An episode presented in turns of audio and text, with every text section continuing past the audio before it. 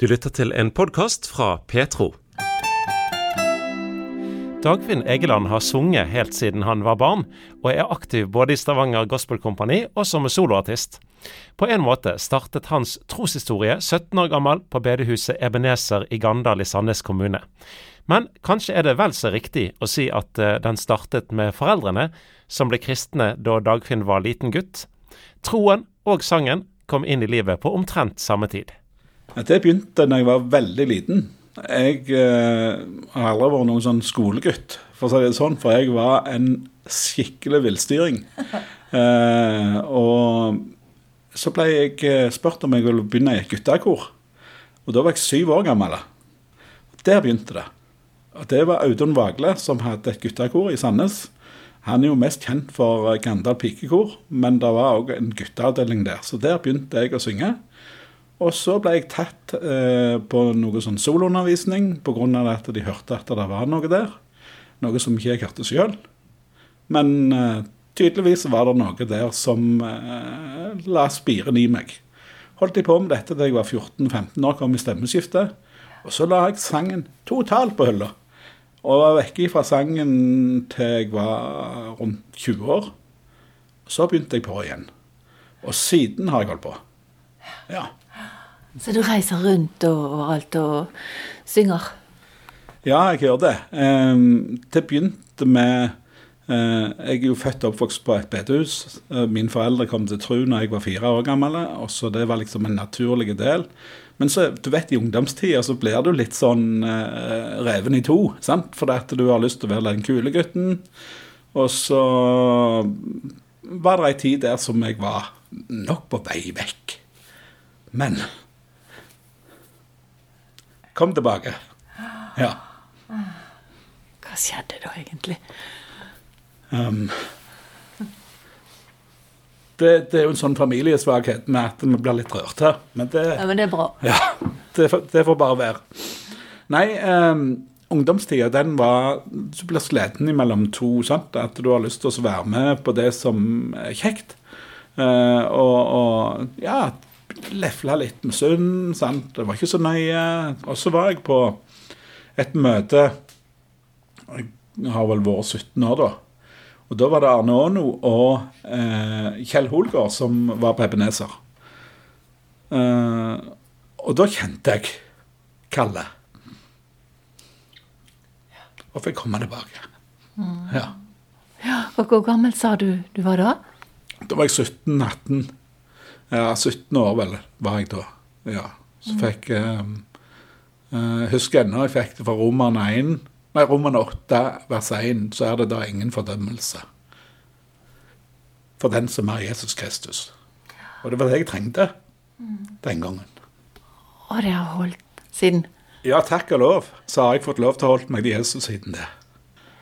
Uh, når, når jeg var 17 år, da jeg kjente at jeg fikk komme tilbake til Jesus Det er ingen fordømmelse. Så var jeg med Arne på noen turer Arne og nå.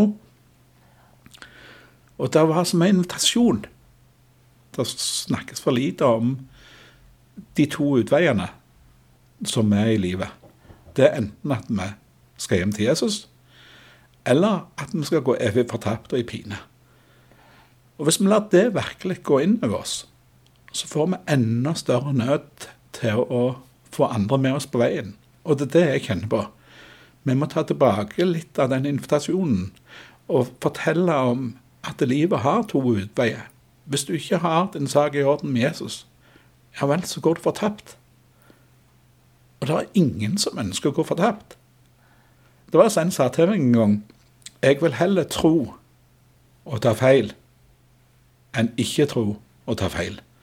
Og det er det mye visdom i. Jeg klynger meg til Jesus, og jeg vet uh, Jeg syns det er så fantastisk med tvillingen Thomas, sant? Uh, i, i, uh, som fulgte Jesus. Han vågte komme til Jesus med sin tvil. Og det har hjulpet mange. Jesus vil ikke fordømme oss, men han vil ha tak i oss. Og han vil ha hjertene våre og flytte inn der. Og det er viktig for meg, mer enn noen gang før, å fortelle om det. Jesus, han ville ha oss. Mor sa alltid til meg eh, når jeg, når jeg begynte å synge alene, så sa hun Dagfinn, du må huske å synge med hjertet. Og, og jeg er sånn at når jeg plukker sanger som eh, jeg skal synge, så må de først få bety noe for meg sjøl. For at jeg skal få kunne gjøre noe videre. Jeg vet at jeg kunne gått og sunget på en pub og sunget 'She loves you, yeah, yeah, yeah', eller hva det måtte være, og tjene penger på det. Men det er ikke det som er min intensjon. Min intensjon er å få lov å være en sangevangelist som synger for Jesus og hva han har betydd i mitt liv. Jeg skrev en sang eh, som heter 'Nåden'. Eh, bakgrunnen for den det var min oppvekst. Eh, og den fantastiske familien som jeg har vokst opp i. Eh, som sagt så sa jeg jo tidligere at eh, mine foreldre kom til tro når jeg var ca. fire-fem år gammel. Og det skjedde fordi at eh, vi Eller de flytta til Gandal, og der kom de i ei gate der det var noen jenter som tok mine eldste søstre med seg på bedehuset. Og Så kom mor til tro, og så kom far til tro litt seinere. Og far ble en veldig eh, søndagsskolelærer. Og han var òg flink med folk. Dagfinn forteller òg om hvor stor betydning farens radikale omvendelse og møtet med Jesus skulle få for mange mennesker. Og De gifta seg, og da begynte han som sterkstrømselektriker hos NSB. Jeg tror ikke han tenkte noen gang på Jesus i den perioden. Aldri. Det tror jeg ikke. Men så, som sagt, når de kom til Gandal og ungene begynte å gå der, så, så fikk de jo kallet til slutt. Og far måtte ha et sterkt møte med Jesus. Mor hun tror jeg ble på et eh, møte oppe i Høylandkirka, for det var vekkelse der. Så sier hun til far om ikke han skulle være med. Nei, han skulle ikke være med på noe møte. Men til slutt så måtte han bøye av, for han fikk besøk av Jesus. Det er jeg helt sikker på. Eh, mor så det leste en kveld i Bibelen med, etter far hadde gått og lagt seg, for han jobbet skift. Og så, så leste hun om at Jesus går gjennom stengte dører. Og hun ble litt hva du skal, redde, eller felen, som vi sier her borte. Så hun blåste ut stearinlyset og gikk og la seg. Og når hun kom på soverommet, så hadde Jesus vært på besøk hos far. Oi. Ja. Der han var. Der han var. I rommet. Og, og mor sa det. Far snakket jo aldri mye om det. Men mor, mor sa det. Det lyste av far. Og, og han sa det at uh, Ikke vær redd, Kirsten. Kom inn til meg. Jeg har hatt besøk av Jesus. Og det er bønnens svar. Uh, sant? Fra de gamle som har gått føre. Og det er så godt òg for oss som lever i dag, som ber vår Fader vår, vi ber om vekkelse, vi ber vår familie og venner som ikke har kommet til tro. En dag så får vi svar. Det er makt i de foldede hender den bønnen du har bedt, den blir aldri stoppet og bedt for. Mm. Og jeg er så heldig med mine barn at eh, alle tre, med svigerbarn og barnebarn, følger Jesus og er aktive både i menigheter og bedehus. Så det sier jeg tusen takk, Jesus, for at du gjør det for meg. Ja. Fantastisk, altså. Mm. Det er stort. Men altså, din far fikk rett og slett besøk av Jesus på soverommet. Ja, det gjorde han. Uh, og, og uh, han snakket jo aldri veldig mye om det, men, men alle som møtte far, skjønte at det var noe mer med han eller uh, gjerne andre. Og vi har ikke lovte bare gode dager, og, og vi er feilbarlige hver dag. Vi faller, og vi gjør galne ting. Og far sa det. Uansett hva galt du har gjort, kan du gå til Jesus. Og når du går til Jesus, da blir du skjult i, i hans kappe. Det er stort. Ja, det er stort. Og hva ser Gud når han ser på deg da? Han ser kun Jesus. Og det er nåde. Eh, jeg husker så godt sjøl òg når jeg var vokst opp. og så, eh, Det var ikke fett i familien. Far var alene med jobb, mor var med syk, hun hadde hatt leddgikt og hun hadde revmatisme og sleit til tider med syke. Å oppdra åtte unger, det kan være ganske heftig. Og så når du har en som turbo som meg, som aldri kunne sitte i ro Jeg var enten på eller av. Eh, de kunne gå og lete etter meg, og da lå jeg og sov gjerne oppi hengedissa midt på dagen pga. det at jeg hadde tatt meg sånn ut. Eh, så, så, det har aldri vært lett å være mor. Og det var ikke fett i vår familie, jeg vil nesten sagt. Måtte sette næring etter tæring. Og, men det var en konvolutt som aldri ble rørt i vår familie. Hos hjemmes mor og far. Og det var gaven til misjonen. Samme hvor skrint det var. De tok aldri av det. Mor var et fantastisk bønnemenneske. Uh, og, og, far òg. Og de brukte mye tid sammen i bønn. Uh, og noe som jeg gjerne oppdaget enda mer når de, når de fikk tid for seg sjøl. For hvis jeg ringte hjem en lørdag eller et eller annet sånn på morgenen, så var det liksom De tok ikke telefonen. Og da kunne de sitte i flere timer og be sant? og andakt om morgenen. For bønnelista var lange. Um, som sagt så var det jo ikke lett. Og far han jobbet på jernbanen, og han måtte bruke fritida si òg og jobbe for å få endene til å møtes. Og, men, men, det var så ufattelig mange sånn bønnesvar, hverdagslige bønnesvar. Um, det var en jul der uh, de ikke visste hvordan de skulle få kjøpt presanger. Det var enten mat eller presanger.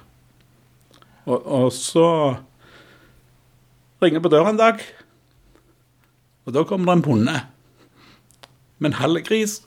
Her er julemiddagen. Det er bønnesvar. Mange forskjellige ting.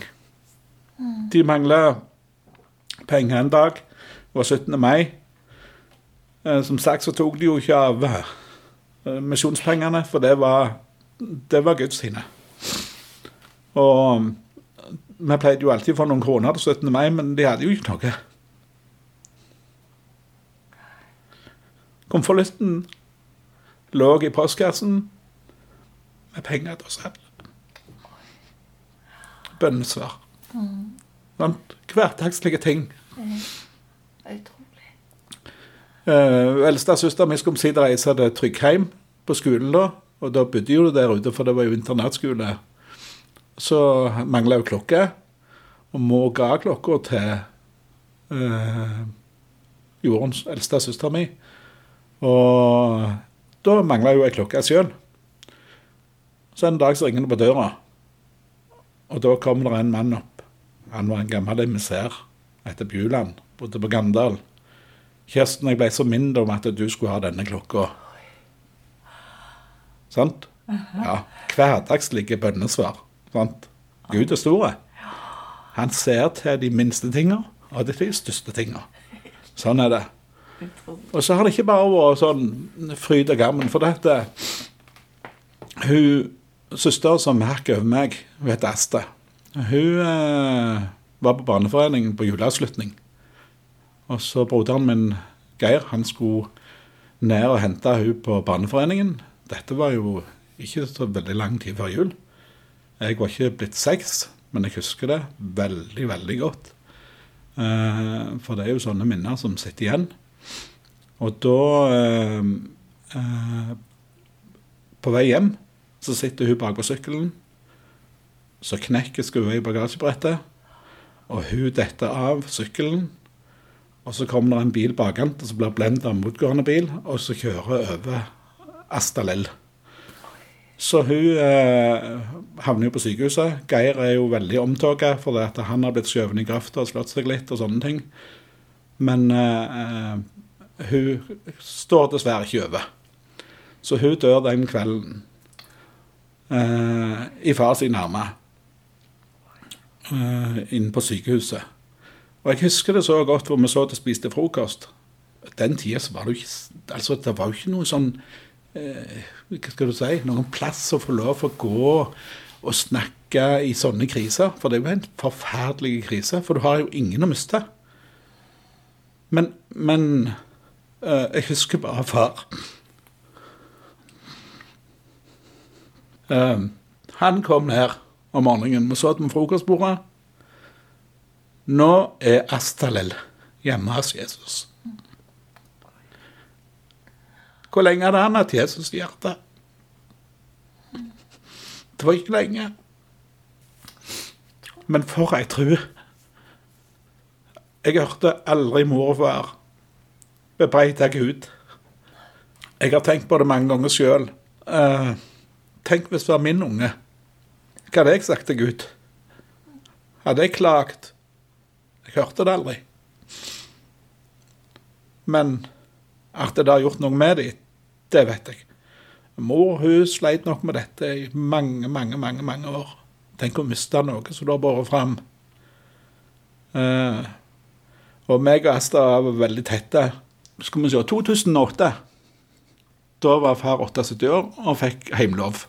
Han ble alvorlig kreftsyk og fikk flytta hjem til Jesus. Han hadde ikke lyst uh, å ha noe livslengende behandling eller eh, Ja, han, han, gjorde det som var nødvendig, selvfølgelig. Men han var så trygg i, i trua si på at uh, dagene hans var talte. Uh, og For det var ei venninne av oss som spurte han, Arne, har ikke du lyst, ber ikke du om du blir helbreda? Så så han på henne og sa nei, jeg ber om at jeg blir bevart hjem. Det var hans mål.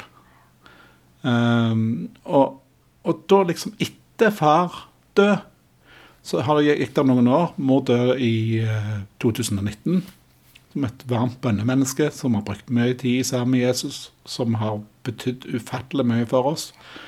Eh, da så jeg plutselig Oi, nå er jeg den eldste. Nå er det meg som skal bære denne arven videre. Og nå må jeg ta tak i bønnene nå må jeg bære videre det som de har båret for oss.